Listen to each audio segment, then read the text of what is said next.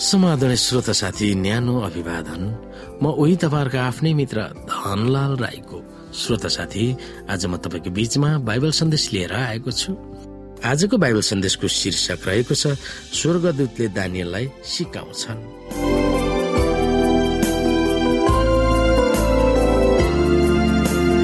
श्रोता साथी दानियल नौ अध्यायको तेइसमा स्वर्गदूतले के विशेष ज्ञान खुलाउँछन्? र त्यसमा दानियल आठ अध्यायको चौधमा उल्लेखित गरेको पवित्र स्थानको शुद्धिकरणलाई कसरी बुझाउँछ? हामी हेर्न सक्छौ। तिमीले प्रार्थना गर्न थाल्ने बित्तिकै प्रार्थनाको उत्तर दिइयो। जुन चाहिँ तिमीलाई बताउन म आएको छु किनकि तिमी अति नै सम्मानित छौ त्यसकारण सन्देशलाई विचार गर र दर्शन बुझ। स्वर्गदूतले दानियललाई स्पष्ट ज्ञान खुलाउन सन्देशलाई विचार गर र दर्शन बुझ भन्दछन्। कुन सन्देश र कुन दर्शन?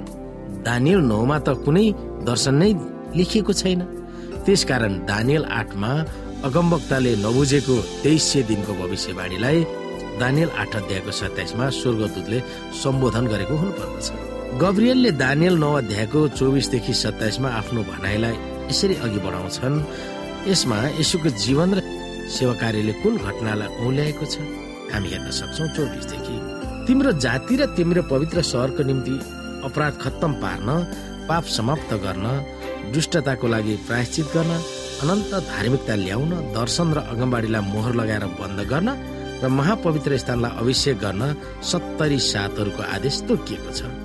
यो जान र बुझ यरुसलेमको पुनर्स्थापन र पुनर्निर्माण गर्न यो आदेश जारी गरेको समयदेखि अभिषिक्त जन अर्थात् एक शासक नआउन्जेलसम्म सात सातहरू र बैसठी सातहरू हुनेछ गल्ली र सुरुङहरू सहित यसको पुनर्निर्माण हुनेछ। तर दुःखको समयमा बैसठी सातहरू पछि ती अभिषिक्त जनहरू हटाइनेछन् र तिनीसँग केही पनि रहने छैन शासकका मानिसहरू आएर त्यस सहर र पवित्र स्थानलाई विनाश गर्नेछ अन्त बाढी झै आउनेछ लडाई अन्तसम्म रहनेछ र उजाट अवस्थाहरूको आदेश जारी भएको छ। धेरैजनासित एक साथको लागि तिनले एउटा करारको सदर गर्नेछन्।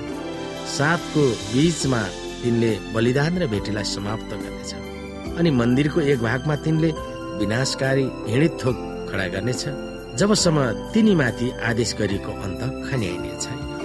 यस भविष्यवाणीको पहिलो भाग परमेश्वरका जनहरू अर्थात् युदीहरूसँग सम्बन्धित छ।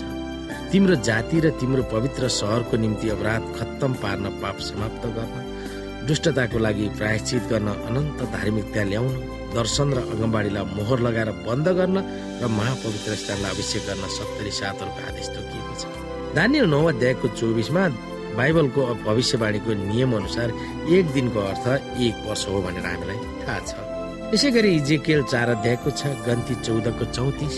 र दानियल र प्रकाशमा दिएका प्रतीकहरूको अर्थ छन् भने भविष्यवाणीको समयको प्रतीकको पनि अर्थ हुन्छ। भविष्यवाणीमा उल्लेखित एक दिनको अर्थ एक वर्ष कसरी हुन्छ भनेर प्रमाण चाहिन्छ भने त्यसलाई प्रयोग गरेर दानियलको समय तालिका ठिक ठिक भएकोलाई बुझ्न सकिन्छ।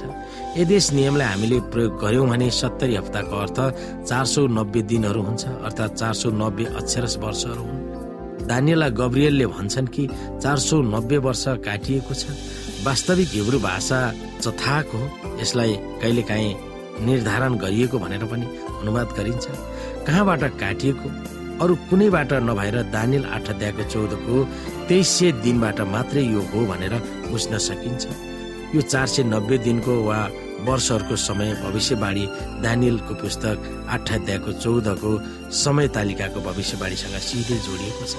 दानियलमा नबुझाएको समय तालिकाको भविष्यवाणी केवल त्यो मात्र हो। त्यसकारण दानियल आठमा दानियलले नबुझेको भविष्यवाणीको अर्थ दानियल नौमा गब्रियलले बुझाउन आउँदछन् त्यो भविष्यवाणी हो तेइस सय दिन।